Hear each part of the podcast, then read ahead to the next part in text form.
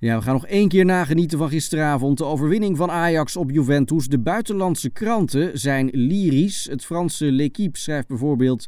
Les joueurs d'Eric Ten Hag ont dominé un autre géant continental et prétendant à la victoire finale sur sa propre pelouse. Dat is natuurlijk wel heel mooi. Uh, de Braziliaanse krant O Globo die schrijven onder meer Impaquevel na defesa imortal no contra-ataque. O time de Ten Hag foi criando as chances com naturalidade. De Russische staatskrant Pravda schrijft Frenkie de Jong bilur zich Zayatse Shemu Ushami. De Helsinki Herald is ook lovend. Ajaxila Oli Eratiin Hiva Otelu Juventus vast aan.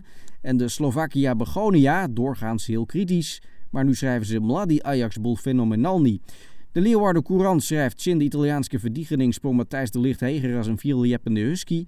En de Botswana Algemeine die schrijft Deli Klinkgraven Wayenkole Klinkulule Ilula.